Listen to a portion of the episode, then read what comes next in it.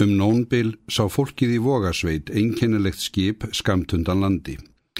Því svipaði ekki til fiskiskipana en var rætna líkast erlendu listisnekkjunum sem stundum hafðu komið til Íslands á setni árum og silt með fram söðurströndinni.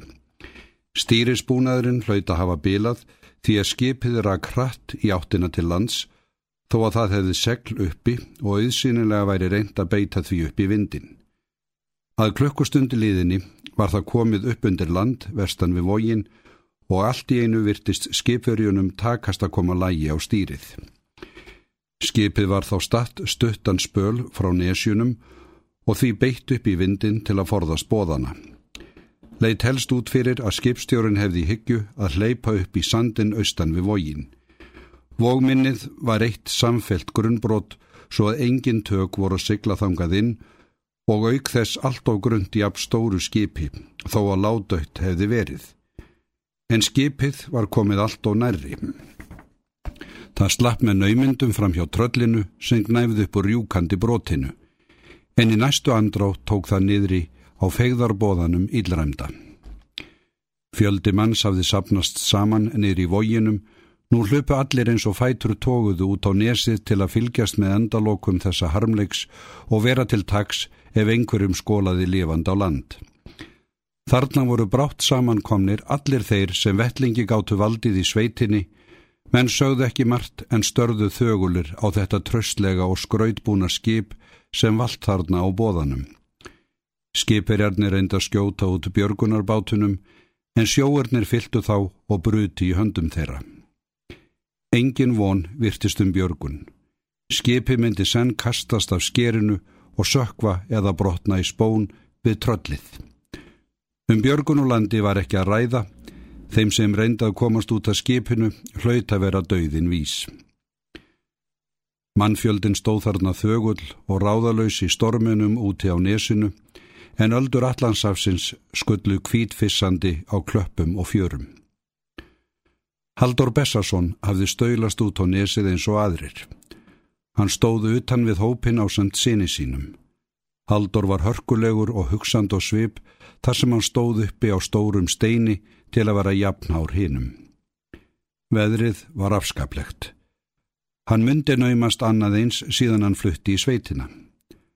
Tröllið sást varla fyrir róki og löðri, aðeins af og til grísjaði þetta einkennilega steinandlit sem virtist stara óskup rólega í austur eins og það skeitt ekki hót um hamfari náttúraflana. Og skútan var þar skamt frá. Þetta var fallegt skip. Haldur hugsaði með sér að gaman myndi að standa við stýri á svona farkosti út á rúmsjó. Andlit hans myndi á ásýnd trölsins. Rólegt og svipmikið, hörkulegt og veðurbarið. Hann horði í veðrið, þjettvaksinn og herðabreiður og stormurinn skókan og hristi. Helvíti var nú hart að láta mennin að drukna þarna úti fyrir augunum á sér. Það var steinsnar út að skútunni. Eitthvað var til bræðs að taka. Honu var kunnugt um að þrjár franskar skútur hafðu farist á þessum sama bóða síðasta mannsaldurinn og fjöldi manns hort á í landi án þess að reyfa hönd eða fót. Gaman væri nú að taka sér fram um eitt hvað sem sveitungum hans þætti tíðundum sæta. Ekki meiri menn en þeir voru, þessi sunnlendingar, og þeir gáttu svo látið fylgja sögunum um syndir hans þegar hann væri allur. Ekki hafði hann skapið sér til að standa hér eins og glópur og horfa á mennin að farast. Annarkvort var að hafast eitthvað að eða hýpja sig heim. Er Jóni Díavög hér? Djúb og þróttmikil rödd Haldórs yfirgnæfði stormgníin og öllum varð lítið í áttina til hans. Jón var sagður heima. En dóttir hans er hérna, kallaði einhver. Þá glotti Haldór við tönn og klóraði sér í vangaskegginu. Það var vonlaust að leggja í vógminnið öðrum en fugglinum fljúandi en kannski væri ekki útilokað að komast út úr brimgarðinum austan við nesið. Það skarðaði þó í hann öðru kóru. Þetta væri reynandi á léttum báti með vöskum manni. Bara ef hægt væri að ná í streng úr skipinu og brjótast með hann í land, þá myndi þrautin leist. Farð og sæki litla báti minn, tíu menn eða svo, kallaðan hátt og snjált. menn lita á hann agdofa og híkuðu við. En maðurinn þarna uppi á steinunum var á svipin eins og sá einn sem tekur fórustuna þegar mest á rýður. 15-20 ungir menn tóku þessu út úr hópnum og hlupa á stað upp að naustunum á Katanesi. Haldur Bessarsson stóð kyrr á steinunum, horði í veðrið og hugsaði ráðsitt. Já, þetta haf. Það var vinur hans og mennvættur. Oft hafði það hillað hann og ekki til baráttu upp á líf og dauða.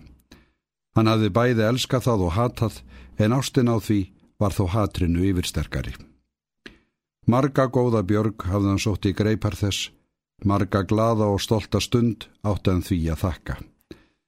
Það hafði veitt honum unað í solskinni og logni en þó sér í lægi þegar það fór trilltum hamförum.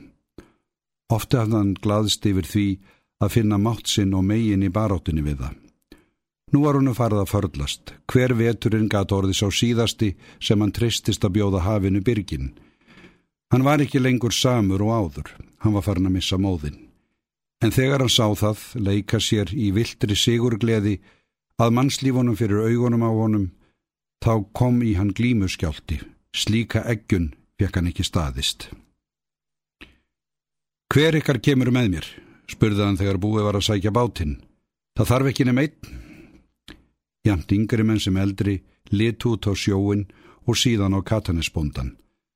Þarna stóð þessi norlendingur með glott á vörum og starði á þá ágruna raugum.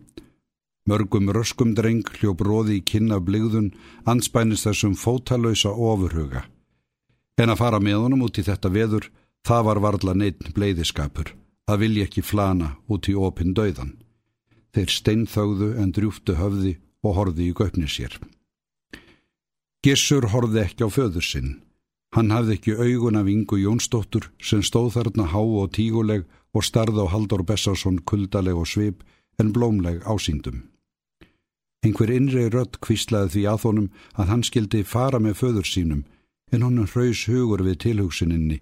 Hann herti saman varirnar og þægði en þegar Inga leita á hann spyrjandi augum, harkaði hann af sér og rópaði til föður síns að hann færi með honum.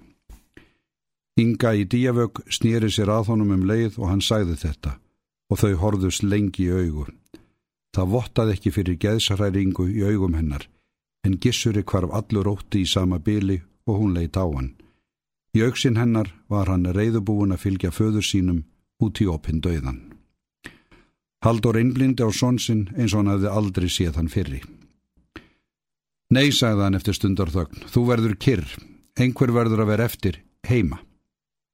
Nei. Nú fyrst heyrði Haldur hvað sonur hans var rattsterkur. Röttin var há og kvell eins og rómur hans sjálfs, honum dætt í hug að kannski byggi meira í þessum pildi en nokkurn hafði órað fyrir. Jæja þá, í herrans nafni, Hann hafði það einhvern veginn á tilfinningunni að þeir myndu komast þetta heilu og höldnu. Afreg Haldós Bessarssonar þennan dag var lengi minnum haft þarna í sveitinni. Hann létt 14 fílelda menn í tabátnum með þá feðga út í brimrótið. Hann kunni að velja lægið á réttu augnablíki og báturinn var sloppin fram úr brotinu þegar næsta ólag var nærri búið að skella mönnunum flötum í fjörunni. Svo börðu þeir feðgar gegn veðurofsanum í bátskilinni sem var nær þóttufull því að engin tiltök voru að auðsa. Þeim miðaði hægt, mjög kuðust varla, það var engu líkar en þeir hefðu nesið í tógi. Særókið var slíkt og þvílíkt að oftast stóð kvítur mökkurinn um mennina og bátinn en að hálftíma liðnum voru þeir eigað síður komnir í var af skipinu. Mannfjöldin stóð þarna þögull og agdofa meðan þessu fór fram.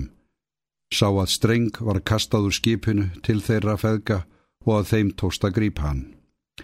Tveim mínutum síðar bar bátin upp í stórgríta fjöruna og bremið freyttu um hóp röskara drengja sem tósta bjarga ofurhugunum á þurft land. Haldur rótaðist í lendingunni en strengin hafði hann bundin um sig miðjan og það leiði ekki á löngu áður en hann raknaði við. Það sem nú fór í hönd gekk eins og í sögu. Gildur Kaðal var dregin á land úr skipinu og öðrum enda hans brugðuð um stórsigluna en hinn ferstur við stóran stein í fjörunni. Á kaðlinu var stór blökk og voru festir í hana báðir endarnir á mjóum streng sem leg í lítilli blökk á stórsiklunni. Síðan hófst björgunin. Skiprótsmennirnir voru bundnir við stóru blökkina, einn og einn í senn og síðan dregnir að landi í miklum flíti. Fyrsta manneskjan sem bjargaðist var kona. Hún var meðvitundarlaus og strax borin heimað Katanissi. Fjórtán karlmenn voru á skipinu og allir fyrður hressir eftir rakningin. Þeir gengu óstöður heimað bænum og fengu strax þurr född, flóaða mjölk og brennivín. Konan var þá röknu við og bar sig vonum betur. Einar Sölvarsson sem var tólkur skýrði frá því að konan ætti skipið á sann tveimur karlmannanna sem voru háir vexti og virðulegir í framgöngu. Hinnir voru skipsmenn. Tæpum klukkutíma eftir að síðasti skiprótsmaðurinn var sloppin í land, lagðist listisnekjan allt í einu á hliðina og vós allt á skerinu nokkrar mínútur, svo seg hún í brimrótið og kvarfi í djúpið. Skiprótsmönnunum var skipt niður á bæina í sveitinni meðan veri var að búa för þeirra til Reykjavíkur. En þaðan ætluðu þeir utan. Konan og heldri mennirnir tveir dvöldust hjá faktornum. Samúlsen og Einar Sölvason gáttu báðir talað við þau og brátt kvisaðist um sveitina að fólk þetta væri af enskum aðalsættum. Annar karlmaðurinn var nýinn á efri aldur og fadir konunar. Hann satt laungum og tali við Einar Solvarsson. Einar var líka í fylg með þeim þegar eigundur skipsins kom út að Katanesi tveim dögum eftir strandið til að þakka feðgunum björgunina. Haldur let bera þeim kaffi og pönnukökur. Hann var í óvennilega góðu skapi enda nýbúin að fá skemmtilegt bref frá Gunnu. Hún virtist kunna vel við sig í höfustafnum. Lítið varðu samræðum millir hans og gestana því að einar varða að tólka allt sem þeim fór á milli en konunni vöknuðum augu þegar þau kvöttust, hún þrýsti stóra og hrjúfa hönd hans að báðum mundum og horfi lengi á hann. Hún bauði af sér góðan þokka og haldori fjall þau öll vel í geð. Skipsmennir kom að Katanesi setna um daginn.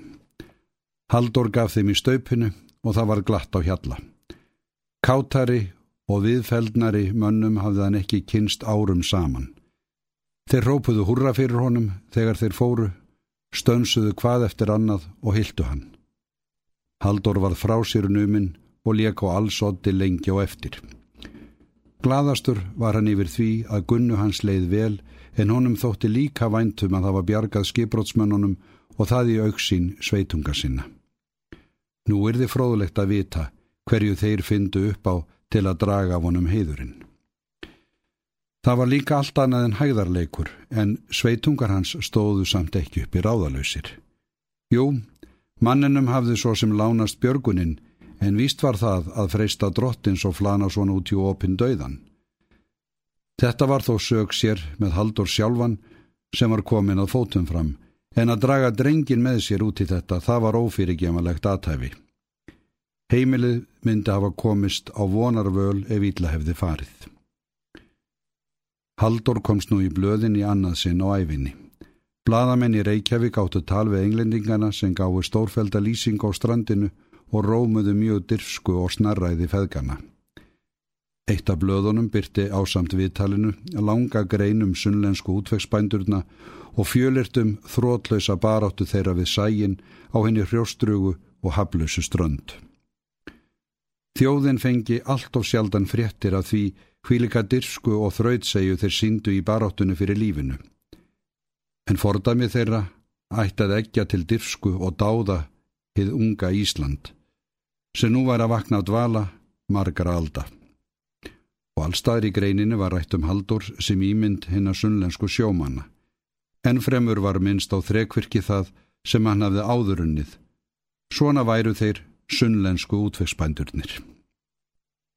Blöðin glemdu heldur ekki að fara lofsamlegum orðum um gissur, en hann aðði sig ekkert í frammi og let föður sinn einan um heiðurinn og þakklætið.